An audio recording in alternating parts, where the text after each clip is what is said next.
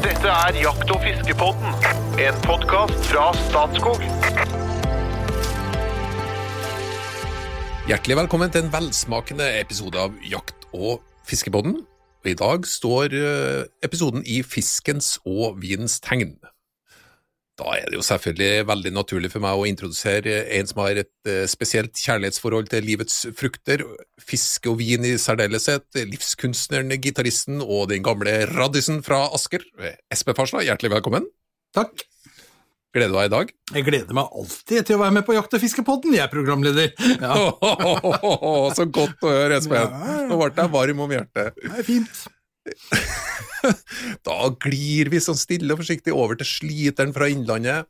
Han har ikke fem fulle frysere, for han har faktisk fått tak i seg en til. Han har seks fulle frysere med viltkjøtt. Og nå driver han og bygger eget slakteri på låven, og han jakter ustanselig og er et oppkomme av teoretisk og praktisk jaktkunnskap. Hjertelig velkommen, the one and only Jo Inge Bresjeberget. Ja, tusen takk. Du er nå så grei òg, da. Ja, ikke sant? Du òg. Også god stemning her nå, vet du. Og nå blir det bare enda bedre, for nå skal jeg ønske en litt uvant ekspert i Jakt- og fiskepodden hjertelig velkommen tilbake. For det første er det ei dame, endelig, i den akk så dominerte podkasten. Kanskje hun ikke en utprega jeger eller fisker, det skal vi høre litt mer om, men hun er uslåelig på å inspirere til gode vinopplevelser. Hjertelig velkommen tilbake til oss, Merete Bø. Tusen hjertelig takk. Du ble ikke skremt av episoden vi hadde tidligere om uh, riktig vin til vilt? Nei, nei, nei. Skal litt mer til. Heller ikke av Hot or not-spalten? ja, den var litt skremmende på slutten der, ja. Den blir enda verre i dag. Det kan ja, jeg. Men du, apropos jakt og fiske. Mhm. Hvilken bakgrunn har du der? Du, jeg er vokst opp, vokst opp eh, på Voss, eh, og der hadde eh, min far annet fiskerett i Vosso når vi fikk lov å fiske laks der. Så jeg er vokst opp med, med fiske. Eh, og en familie som òg har gått mye på jakt, særlig hjortejakt. Så jeg har jegerprøven sjøl. Eh, har dessverre, etter jeg flytta til Oslo, jakta veldig lite. um, så for at høsten er veldig travel i min jobb, og ikke sånn at jeg har så mulighet til å reise og være på Voss på, eller Verken på Voss eller i Hardanger og jakta så mye på høsten, dessverre. Men jeg skulle gjerne ha gjort det. Jeg syns det er fantastisk og veldig kjekt. Men hvordan er det på fiske, da? Det er litt eh, Vi har, jo en som stadig vekk eh, napper oss i nakkeskinnet og minner oss om eh, fiskets fantastiske muligheter, Espen. Mm. Merete, fiske i Oslo, null problem? Jeg fisker aldri i Oslo. Eh, jeg syns det er veldig kjekt å ha hytte i Hardanger, så når jeg er i Hardanger, så fisker jeg på hytta. Men, eh, men ellers veldig lite, dessverre. Eh, Jeg hadde en eh, fantastisk opplevelse på Hardangervidda for eh, det er vel to år siden, da jeg var med på å fiske aure i eh, noe fjellvann der oppe. og Jeg var bare så imponert over størrelsen på den auren. Så vi lagde rakfisk. Så jeg var med og, som journalist og gjorde en reportasje av noen eh, hardbarka, eh, erfarne mannfolk som var i jakthytta inn på, midt innpå Hardangervidda. Så jeg var med dem i et par dager og lagde rakfisk. Så det var strålende. Men du har det travelt, ser du. Hva, eh, hva består jobben din i? Du er vinjournalist i Dagens Næringsliv. Ja. Nei, jeg hva, hva, hva betyr det i praksis? Ja, det betyr at jeg eh, smaker veldig masse vin, reiser så mye som mulig. Selvfølgelig i 2020 eh, var det veldig lite reising. Jeg hadde planlagt mange lange turer, og eh, det skjedde ikke. Så, men vanligvis er jeg jo på ja, to, tre, fire lange turer i løpet av et år. Alt dette, Og så er det jo sånne småturer hele tida. Sånn, jeg er veldig ofte i Tyskland, smaker vin. Veldig ofte i Frankrike og Italia. Og så har du litt sånn lengre Du reiser kanskje til USA, til California, til uh, Libanon var jeg uh, i 2019, høsten 2019. Da er du vekka ei uke, ikke sant. Og jeg hadde Ja. Så det er jo på reportasjetur, da. Uh, Mm. I tillegg til sånn reise bare til Tyskland for å smake vin. Vi gjør det jo veldig ofte. Men oppsøker du da de enkelte, enkelte produsenter, eller er det type vinmesser, eller her, her eh, går det ut på Eh, det? når jeg reiser i Europa så er det veldig mye eh, vinmesse, eller veldig bare ned og smake nye årganger og sånn, før, før det kommer til Norge, sånn at jeg liksom ligger i forkant. Eh, men eh, når jeg reiser litt mer ukjente land og vinregioner, så er det veldig mye reportasje at jeg besøker produsenter og sånn. Men så er det jo noen regioner jeg reiser oftere til enn andre, sånn som Burgund. I Frankrike er jeg jo tre ganger i året, for det er liksom blitt litt sånn Du må velge deg en region som du er litt oftere i enn andre. og eh, Der besøker jeg jo masse produsenter hver gang jeg er der. Men jeg syns det er kjempespennende å besøke land som kanskje ikke er akkurat eh, eh, så vanlige i folks tanke når de tenker på vin. Det er sånn, no- for noen år siden Armenia ei uke. Eh, og så ja, Libanon og, og sånne ting. Så jeg hadde mange sånne land på, på plakaten i 2020 som ikke skjedde. Så Du, Apropos korona, det, det har jo hemma din eh, reisemulighet, men har det hemma vinproduksjon på noe vis? Er det, er det lite vin å få? Nei. Heldigvis ikke. Eh, det som er litt spennende med korona, er at det har endra liksom kjøpsmønsteret i hele Europa. Hvis en tar Europa dette. så, så de fleste land i Europa har dårligere økonomi, folk har dårligere økonomi, eh, de kjøper mindre vin. Så, mens Norge kjøper vi veldig mye mer vin. Tror Polet sitt salg i fjor gikk opp 42 Det har jo aldri skjedd før eh, etter andre verdenskrig at det har skjedd. Så jeg tror jo at eh, Eller jeg ser at eh, det kommer en del spennende viner på det norske markedet som ikke har vært der før. Eh, som òg skjedde samme etter finanskrisen. Så så de at ah, Norge blir ikke påvirka på samme måte. For dette her er liksom Selv om noen har hatt det tøft økonomisk, så har allikevel mange eh, penger nok til å, å kjøpe vin. Det viser jo seg på salget på polet. Så, så vin er viktig, og blitt viktigere. Derfor ser jeg da f.eks. mer gode bag-in-boxer, f.eks. For, eksempel, for at de har viner som de ellers ikke får solgt i heimemarkedet, går til Norge. Mm. Du nevnte i den episoden vi hadde om vin til vilt, hvor mange viner sånn omtrentlig du smaker i løpet av et år. Mhm. Det må jeg nesten få høre en gang til, for det var litt høyere enn jeg hadde forventa. ja. Eh, 2020 var sikkert et dårlig smaker for meg. For min sin del, jeg tror jeg smakte rundt 8000 viner i 2020. Men, for da reiste jeg så lite. eh, mens eh, i et normalt reiseår, da, for det er ofte når jeg er på tur, så står det og smaker for fat i en kjeller. Så da kan du jo kanskje smake 60-70 viner i en kjeller bare på et par timer. Sant? Så da går, da går tallet veldig opp når du gjør det fem ganger om dagen. Så eh, på et bra år så er det kanskje oppe i mellom 10 000 og 12 000. Ja. Nå skal jeg spørre to, eh, mine to faste edle kompanjonger snart om hvor mange de har testa og hvordan de vurderer. Men jeg, er jo, jeg må spørre som jeg vet det. Den, den eh, slurpinga når du smaker på vin, punkt én.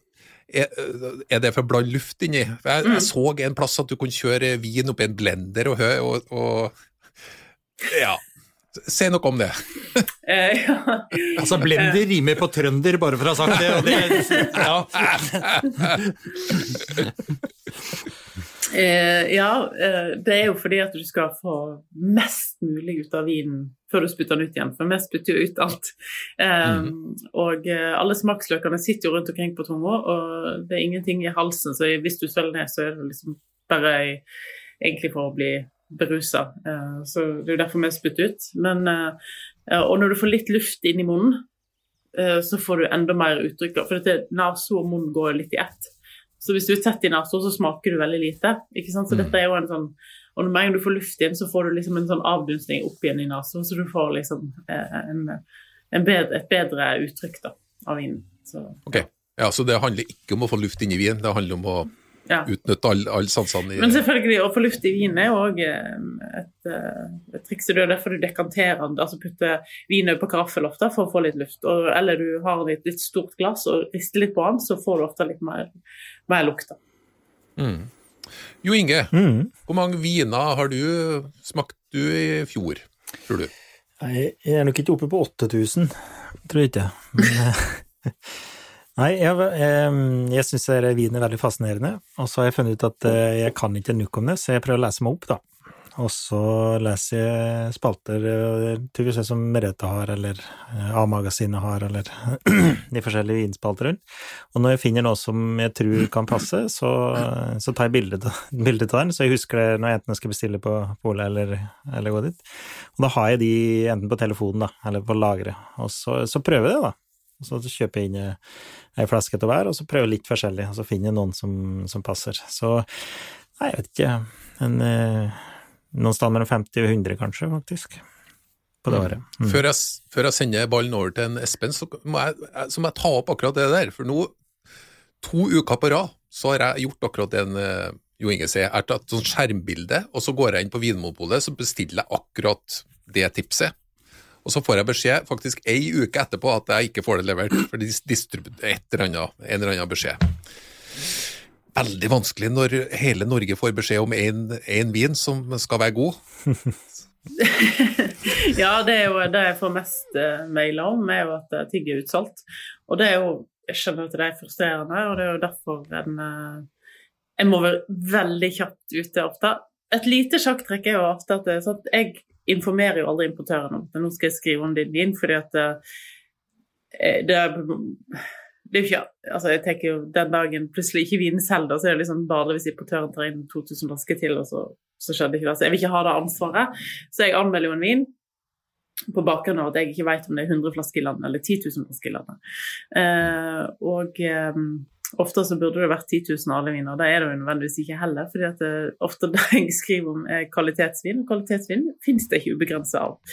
Um, så det som er et lite triks som er greit å huske på, at det på Polet sine nettsider på nettbutikken hans, så kan du da, hvis du da får beskjed om at den vinen får du ikke, så kan du gå an å huke av det produktet, og så kan du skrive at du vil følge det.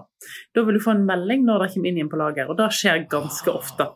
Men da har det gått ut av For det kanskje det tar en måned, ikke sant. Eh, så da har det gått ut av folks bevissthet.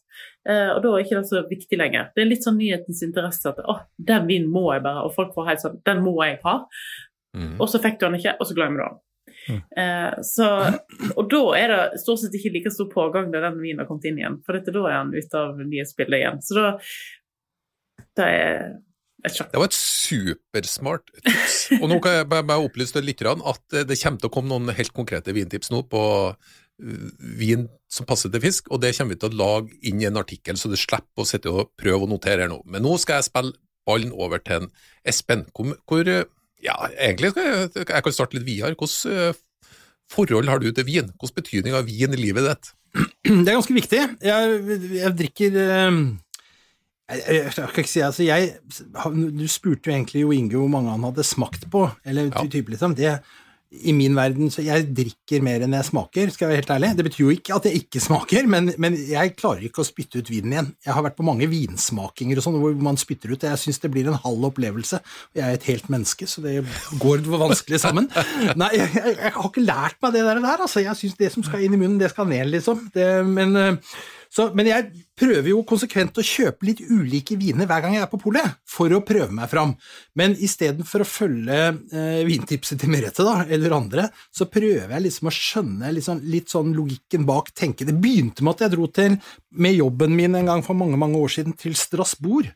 Og da er du i Alsace, som mm. er et ganske avgrensa vinområde, med også et avgrensa type druesorter og sånn. Da ble det plutselig litt angripelig. Da følte jeg at jeg kunne komme inn i verden. For det problemet med vin er jo ofte at det er så ufattelig stort. Altså Det er jo så mye ikke sant, at du, du veit jo ikke helt hvor du skal begynne, og så er det vanskelig navn, og så ender du opp med å hente deg ut en uh, som du liksom kjenner igjen på etiketten, eller et eller annet sånt. Det er litt, det er litt defensivt. Så jeg prøver Ta en på B. B ja, eller, ja, Sekker vinner. ja, akkurat. Nei, så, jeg, så, jeg, men, så, så, jeg, prøver meg liksom på, på, litt sånn typer vin og druer, da, eller kanskje prøve ulike land eller regioner, eller prøve liksom å være litt sånn systematisk i tilnærminga.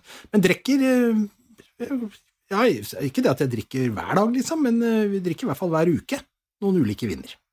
Mm. Og I dag skal vi litt inn på fisk, da.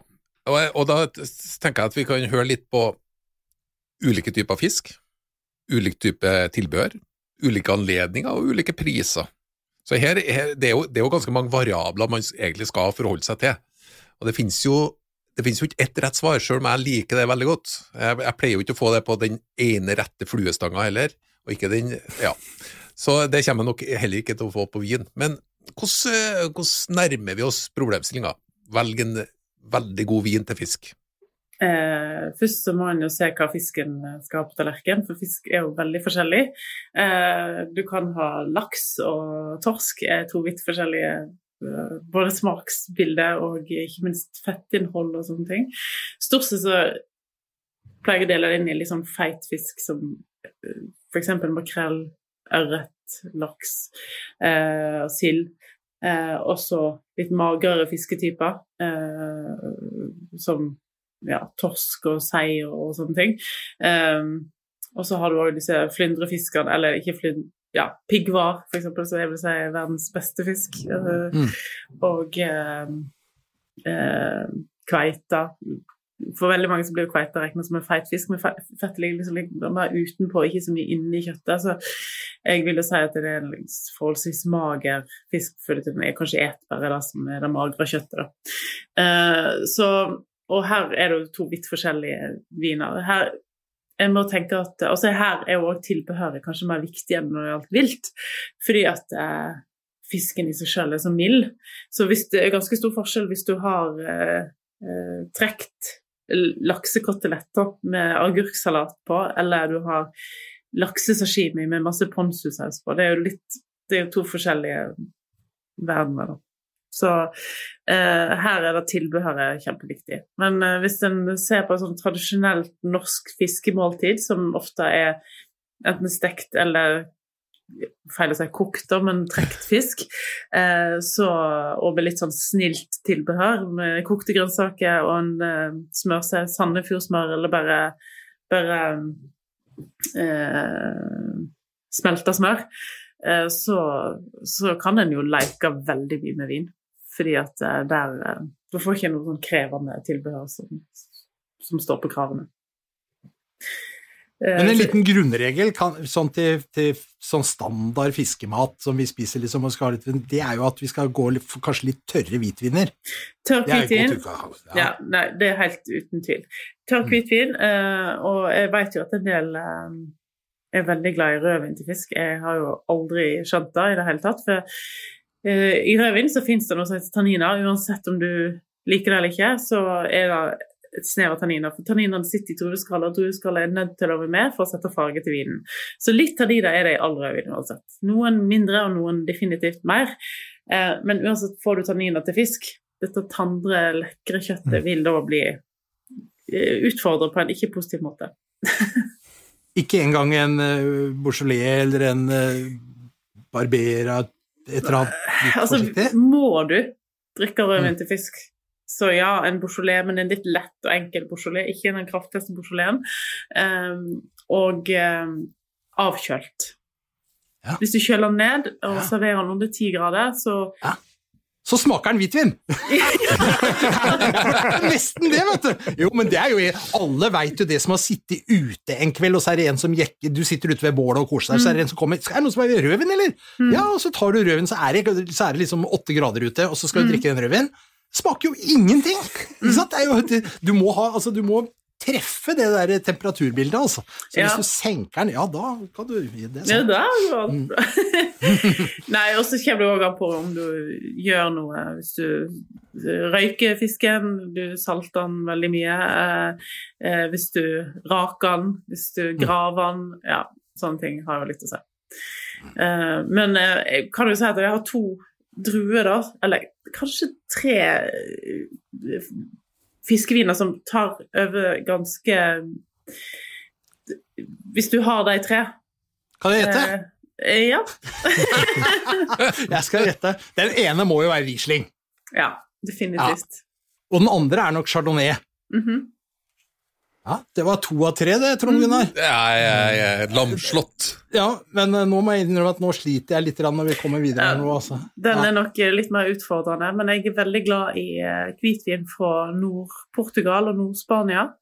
Ja. Eh, der finnes det flere druer, men ei portugisisk drue som heter Luleiro, Eh, som jeg syns lager veldig lette, delikate viner. Ofte veldig rimelige og veldig mye vin for pengene. Og litt sånn mineralske, flotte i tonen. Um, og så har du en drue som heter Albarinho, som både finnes i Spania og Portugal. Eh, og så har du òg i Baskeland i Nord-Spania så har du noe som heter eh, Ja, de har flere innfødte druer der som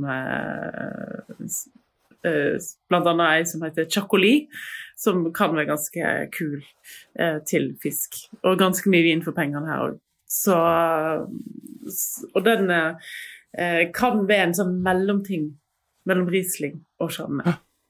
Jeg må få spørre om, jeg kan stille et chardonnay-spørsmål. fordi at Jeg kom over en veldig god chardonnay som het Wild Yeast, altså villgjær. Ja. Eh, en sørafrikansk eh, chardonnay. Og, den, og, der er det også spontanfermentering. Kan du mm. si litt hva det der greiene der er? Ja, jeg tipper den kom fra Springfield, kanskje? ja, det stemmer. Ja. Uh, som holder til i Robertson, favorittprodusent for, for min side i, Sør-Afrika. Fantastisk god, ja. Ja, veldig. Ja. Og de har flere i den serien som er fantastiske. Uh, Wild yeast, da tilsetter de ikke gjær. Da bruker de den gjærsoppen som er på drueskallet.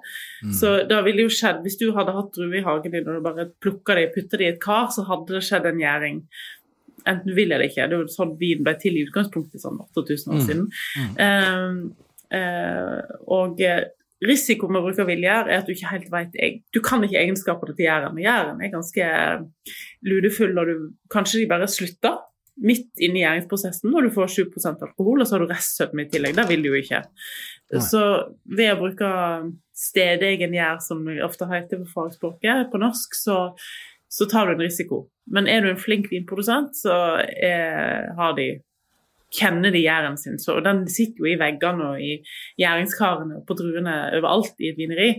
Uh, så det gjør en egen karakter til vinen som du ikke kan kjøpe med kjøpt gjær. For det, mm. det beste hvis du driver et stort kommersielt vineri med russfrie ståltanker overalt, så putter du bare i gjæren og så på druene, og så presser du druene, og så tenker du her ordner alt seg. Du vet nøyaktig hva som skjer.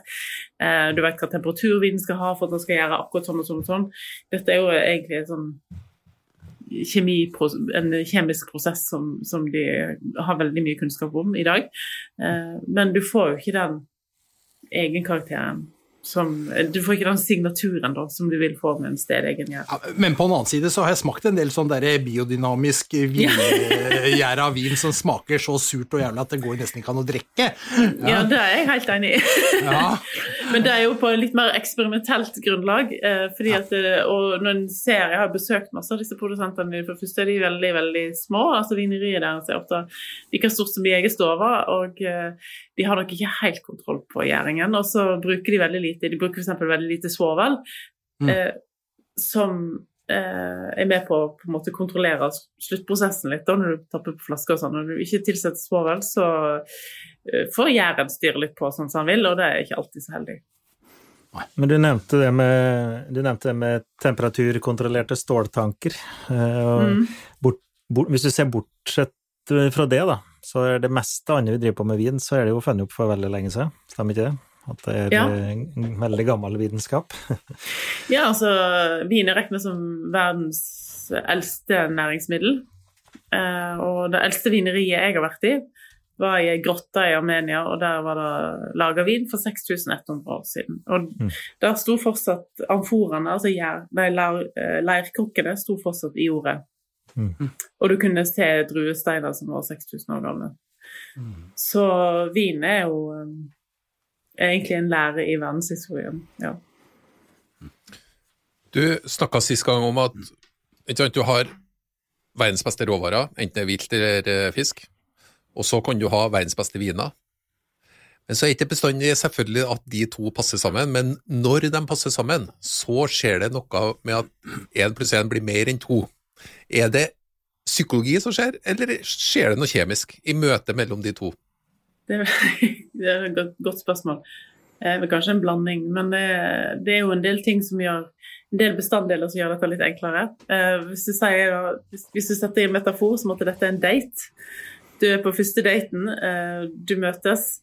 for at det skal bli tre på et eller annet tidspunkt, så, så, er det jo ganske mye kjemi som, som må, må, klaffe.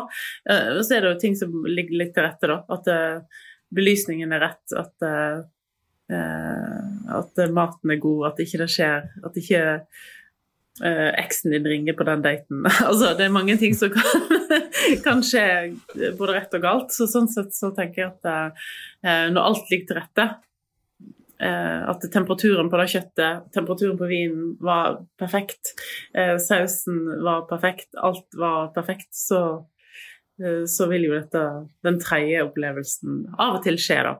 Og ofte når en minst venter det. Men er det, er det en form for placeboeffekter? Altså, vi prater jo om psykologi, for jeg, jeg merker jo det når du treffer. Jeg har vært på, på fine restauranter med vinpakke, eller, mm.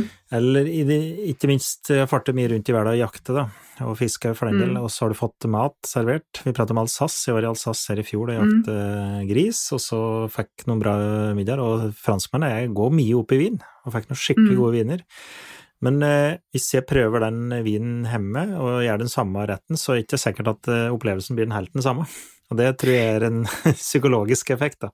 Selvfølgelig. Altså, når du sitter på en restaurant i Alsace, uh, og ting er veldig hyggelig, og du har veldig hyggelig selskap rundt deg, maten er kjempegod, vinen er kjempegod, du tenker bare åh, og så kjøper du den vinen med deg hjem, og så sitter du på og drikker den til pizza hjemme på en fredagskveld, så blir ikke det samme opplevelsen. Det tror jeg nesten alle kan være enig i. det, det, det, kan ha noe med at vi ikke spytter ut vin nå. dette, er, dette, er, dårlig nytt for Trond Gunnar, dessverre. For uh, dette betyr at vinen er ikke bare en kjemisk smaksopplevelse, men det er også et resultat av omgivelsene og miljøet rundt. Og jeg tenker at det som spiller inn da, er jo veldig ofte musikk. Som en stemningsskaper. Og hvis du sitter og hører på DDE og prøver å dytte nedpå en litt god rød eh, Du ser at dette her blir vanskelig.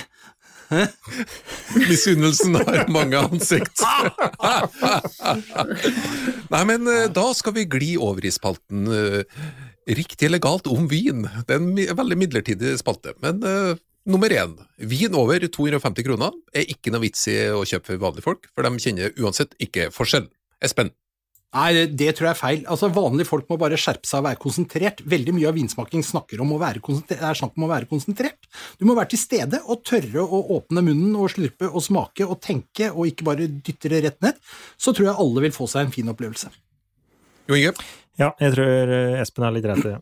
Og så er prisa her er, er, jo langt på vei avgiftsbasert, da, så den ljuger jo lite grann. Du, får, du får, kan få veldig gode viner i Norge som er dyre, vet jeg men som da er billigere i Norge enn andre steder, på grunn av avgifter. Så ja, jeg tror Espen har rett. Og så er jeg litt spent, Merete. Helt Folk flest. Folk flest har eh, veldig stor utbytte av å drikke vin til over 250 kroner. Ja, men kjenner du stor forskjell på en fra mellom 250 og 400? Du kan gjøre det, ja. det er ikke alltid sånn at prisen at, at du får bedre vin med å betale mer penger. Men uh, i de fleste tilfeller, ja, uh, vil jeg påstå. Uh, den dyreste vinen i Norge har jeg alltid sagt, det er den vinen som koster 100 kroner. For den koster For avgiftene er så stor på en mm. så billig vin, fordi det går på alkoholprosent. Mm. Så på en vin til 100 kroner så betaler du egentlig 10 kroner for selve vinen, og resten går i avgifter i form av alkoholavgift eller moms eller Vinmonopolets avanse til staten. Du, det står, på, det står, ikke i spalten, så det blir en liten avsporing, men eh, lagringsvin og ikke lagringsvin. Altså Lagringsvin er nesten uten unntak dyrere, ikke mm. lagringsvin eh, rimeligere. Hvor, hvor, hvor prislig ligger lagringsvin i? Eh, du må vel Det er få viner som du putter i kjelleren som koster under 200 kroner, så hvis du sier fra 200 og oppover, da, så Og opp til det nesten uendelige. ja, ja. Eh, og da har vi jo så vidt vært inn på hvor mye vin du har i kjelleren, men eh, her er neste spørsmål, riktig eller galt. Vin kan godt oppbevares på kjøkkenbenken. Eh, jo Inge? Nei. Espen? Nei, ja, som hverdagsvin som du skal drikke i løpet av eh, et tidsvindu på noen uker, så går det fint. Men, eh, men eh, i utgangspunktet så er det jo for varmt. Merete? Ja, det er jo for varmt. Det hender jo at det står vinflasker her på kjøkkenbenken. Det er bare et rent logistikkproblem. Eh, men stort sett så Jeg oppbevarer all vinen min i min kjeller på ti grader. Ja, Au. Eh, Begge to? ok, nå skal, vi- nå skal vi se, da. Her, blir litt, eh, her blir litt kilen, da, for vi var inne på det sist. Uh, en korka vin betyr at vin er sur. Jo Inge, Nei, det bør ikke nødvendigvis at den er sur, men den er angrepet av en bakterie, da. ok. Espen? Uh, ja, uh, jeg har i likhet med min venn ikke smakt så mye korka vin.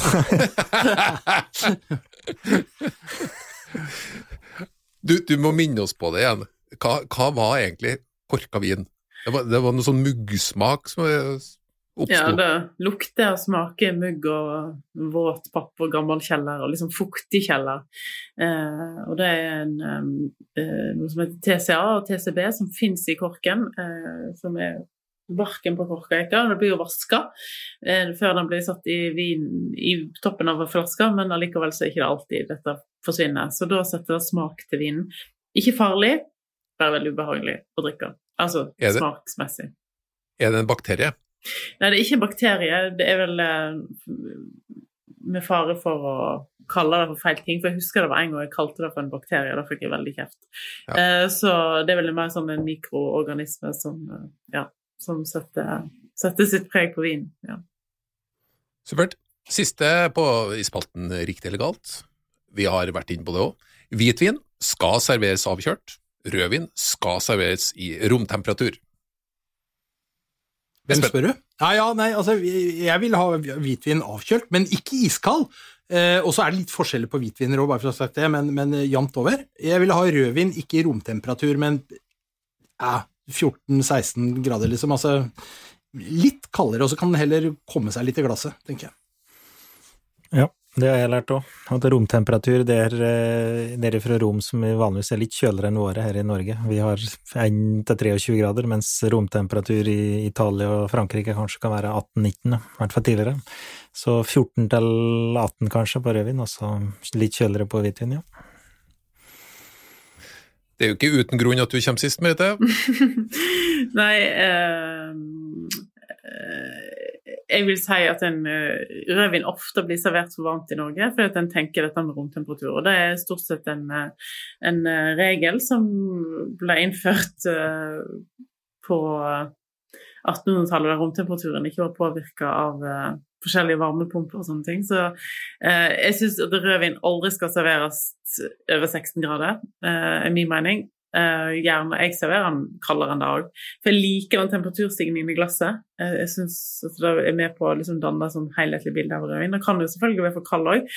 En del druer tåler kjøligere temperaturer bedre enn andre, men uh, hvis du serverer den på 12-13 grader, som er min favorittemperatur, så stiger den jo fort til 18 grader i glasset, men da får du en litt sånn friskere opplevelse av det hele. Eh, En hvitvin eh, serverer jeg gjerne ved kjøleskapstemperatur, og så øker den jo i glasset til 10-12 grader ganske kjapt òg, så du får den samme utviklingen der.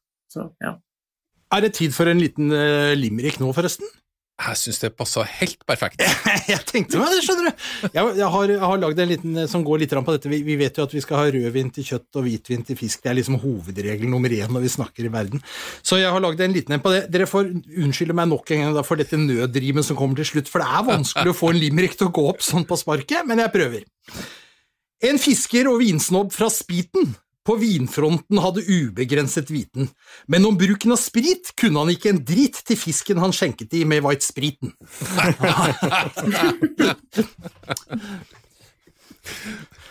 Men apropos whitesprit. Et særdeles dårlig apropos, men vi har snakket ikke rødvin, som i all hovedsak ikke rødvin til fisk. Hvitvin til fisk, det kom du med en del eksempler i retninga, men så er jo en ting du ikke har tatt med. Det må vel være mulig å drikke champagne til fisk? Å ja. champagne, champagne er mulig å drikke til alt. Ja. Eh, Så, men vil jeg at det skal komme noe, noen konkrete tips, så gjør jeg gjerne det. Det vil vi veldig gjerne ha. Eh, Jeg har en favoritt-riesling, vi snakker om tørr riesling, som fins på nesten alle pol i Norge, som jeg aldri slutter å snakke om, fordi jeg syns det er det beste kjøpet en kan gjøre. Det koster ja, rett over 140 kroner. Kommer fra en produsent som heter Dunhoff, som ligger i Nae i Tyskland, og eh, er vel polets aller beste hvitvinskjøp. Den fins òg i en en, en som heter Riesling Trocken, som da er tørr, og så fins det en som heter bare Riesling, som har litt sødme. Så hvis du skal ha litt sånn spicy tilbehør til fisken din, eh, er du glad i chili og sushi og sånne ting, så eh, kan du godt gå for den med litt sødme. Og hvis du gravfisk, eh, gravlaks f.eks. sånn, kan ha litt sødme. Eh, så, um, så da kan du bruke den. Eh, en god chardonnay skal jeg bevege meg litt utenfor den gamle verden som er Europa, og reise til New Zealand. Og der er det en produsent som heter Spy Valley. Jeg er ikke tilgjengelig på alle pol, men inne på en del pol. Og det er en chardonnay fra, som koster 170 kroner, og den er et veldig godt kjøp. Chardonnay koster ofte litt mer, særlig hvis man har putta på eik, for eikefat koster ganske mye penger, så du får liksom ikke helt de billige chardonnayene. Um, et annet land òg å, å bli kjent med på chardonnay er England, som har eh, to viner i hyllene på polet eh, fra en produsent som heter Simpsons. Eh, den billigste der koster 230 kroner. Gravel Castle. Veldig, veldig god eh, mineralsk chardonnay. Disse legger du ut på sida vår, Trond Gunnar, sånn at vi, vi, vi vi har glemt det allerede, ikke sant? Ja. Helt, helt riktig. Men, men jeg er jo nesten slått i bakken av prisnivået. Det var jo veldig lavt. Ja, jeg prøver jo å folkeliggjøre gode vintips her. Det, det må jeg Eh, si. Eh, også en eh, chacoli fra Baskeland òg, som fins i um, som fins i basissortimentet, og den også er sånn rundt 160-170 kroner. Samme med eh, hvis du er glad i tørrfisk, altså bacalao og sånn, så er det òg en eh, som heter Soladas Borras fra eh, Nord-Portugal, som er et veldig, veldig godt kjøp. Til sånn 140 kroner. Men kan jeg komme med en utfordring til Merete også? For at eh, jeg er blitt så gammel at jeg er blitt bestefar. Jeg er en lykke i livet. Eh, når man får et barnebarn, kanskje man skal benytte anledningen til å kjøpe inn en litt dyr, spennende og lagringsdyktig vin som kan følge barnet og bli overlevert ved en eller annen anledning fra samme året som man er født, liksom. Hva skal man gjøre? Hva skal man kjøpe da? Ja, det er et godt spørsmål. Nå må jeg finne ut hva den årgangen som barnet er født i. Eh, hva, hvor var det laga god vin det året? For det er ikke sånn at alle årganger er gode over hele verden.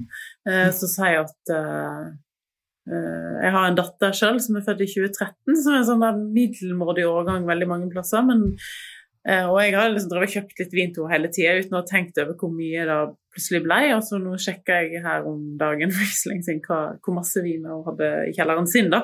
Og da viste det seg å være 300 flasker, så hun er ganske heldig. Eh, Men da har jeg utelukkende kjøpt vin der jeg vet at dette kan ligge i 20 år uten problem, Eh, og det er jo litt Mm. viktig. Eh, Kan du safe den med, med å ta en eh, Hvis du f.eks. velger en litt god Tokai? Da, Tokai- Tokai dette er jo lagringsdyktig alltid. Ja, men det er jo Ja. søtt, ikke sant? så det er jo begrenset hvor mye du har lyst til å drikke. Champagne igjen. Alltid. Hvis det er en, et år der barnet er født og det blir produsert vintage-champagne, som det nesten blir hvert eneste år eh, nå, så, så er det en ting som kan lagre veldig godt. Eh, Mm. lenge. Pass på at temperaturen der du lagrer vinen er kald, eh, mellom 8 og 12 grader helst. Eh, så vil, du, vil han lagre ekstra godt og ekstra lenge. Eh, Riesling lagrer ganske godt. Særlig søt Riesling, men òg tørr Riesling er veldig lett å lagre. Nebbiolo, som er druen i Piemonte, som Barolo Barbaresco lagrer godt. Bordeaux lagrer godt. Ja. Mm. Det er masse med. men, men finn det som er Finn ut hvor hen det året er den beste årgangen. Så, så kommer en ganske langt der med det. Mm. Du, Siste konkrete tips. Du nevnte champagne. Kan du, kan du nevne en konkret champagne som eh, du vil anbefale til fisk? Ja, altså Hva skal jeg si? Må finne noen sånne favoritter som fins eh, eh, Hvis jeg skal gå for en litt dyrere en, da, som en òg kan lett putte i kjelleren eh, og lagre, enten det er til deg sjøl eller til barn eller til barnebarn, så er det en produsent som heter Paul Rocher. Eh, som har en årgangssjampanje på polet, og den er vel òg i hyllesortimentet til polet. Den koster 600 kroner, men dette er noe som ikke bare Han stiger i verdi. Så sånn sett så er det på en måte et lite aksjefond du putter pengene i, eh, og den lagrer veldig godt. Og nå er det for øyeblikket 2013-årgangen på polet, og den har jeg putta i kjelleren her for at uh, min datter kanskje på et eller annet tidspunkt blir vininteressert. Den ble såpass rimelig, det hvitvinet, at jeg kommer til å slå til med den champagnen. rett og slett. Ja, ikke sant? da, folkens, skal vi gå ned for landing. Altså, De konkrete tipsene de eh, legger vi ut på sida. Eh, så du finner det på Facebook og på, på en eh, nyhetsartikkel som vi sprer.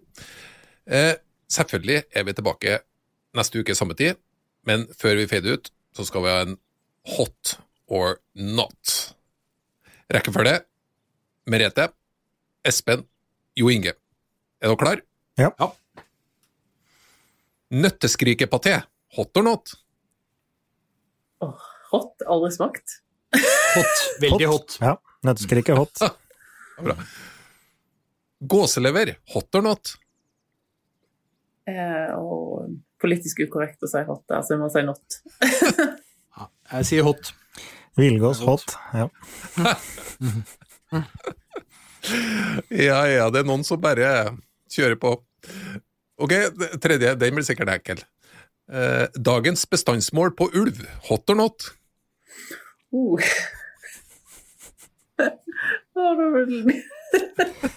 Uh. uh, det Not. Not. Not. Jeg kan be om forklaring, men da bryter jeg med konseptet, så jeg skal ikke gjøre det. Eh, da skal vi ta vegetarpizza, hot or not? No, hot. Not. Not. Nei, men da skal vi gå ned for landing, og da skal vi endelig få en som vi samler oss om. En samstemt klang rundt hot. Det er Åge Aleksandersens låt på albumet Linedans. Det er låta Ai, ai, ai, hot or not? Not. Not. Det var en rungende hot fra alle tre. Hjertelig takk for besøket, Merete. Kan jeg bare skyte inn der og si, eh, si Trond Gunnar, at jeg var litt skuffa over at du ikke tok Åge Aleksandersen fire pils og en pizza og en flaske vin i ny og ne. Den hadde jo passa nå, vet du. Ja, ja. Bare si fra hvis det er noe du lurer på med trønderrocken, så kan du ringe meg, så skal du få svar. men jeg, jeg ble litt, jeg ble litt såra, men jeg ble òg litt glad nå, Espen. Mm. ja jeg skjønner. Hjertelig velkommen tilbake neste fredag.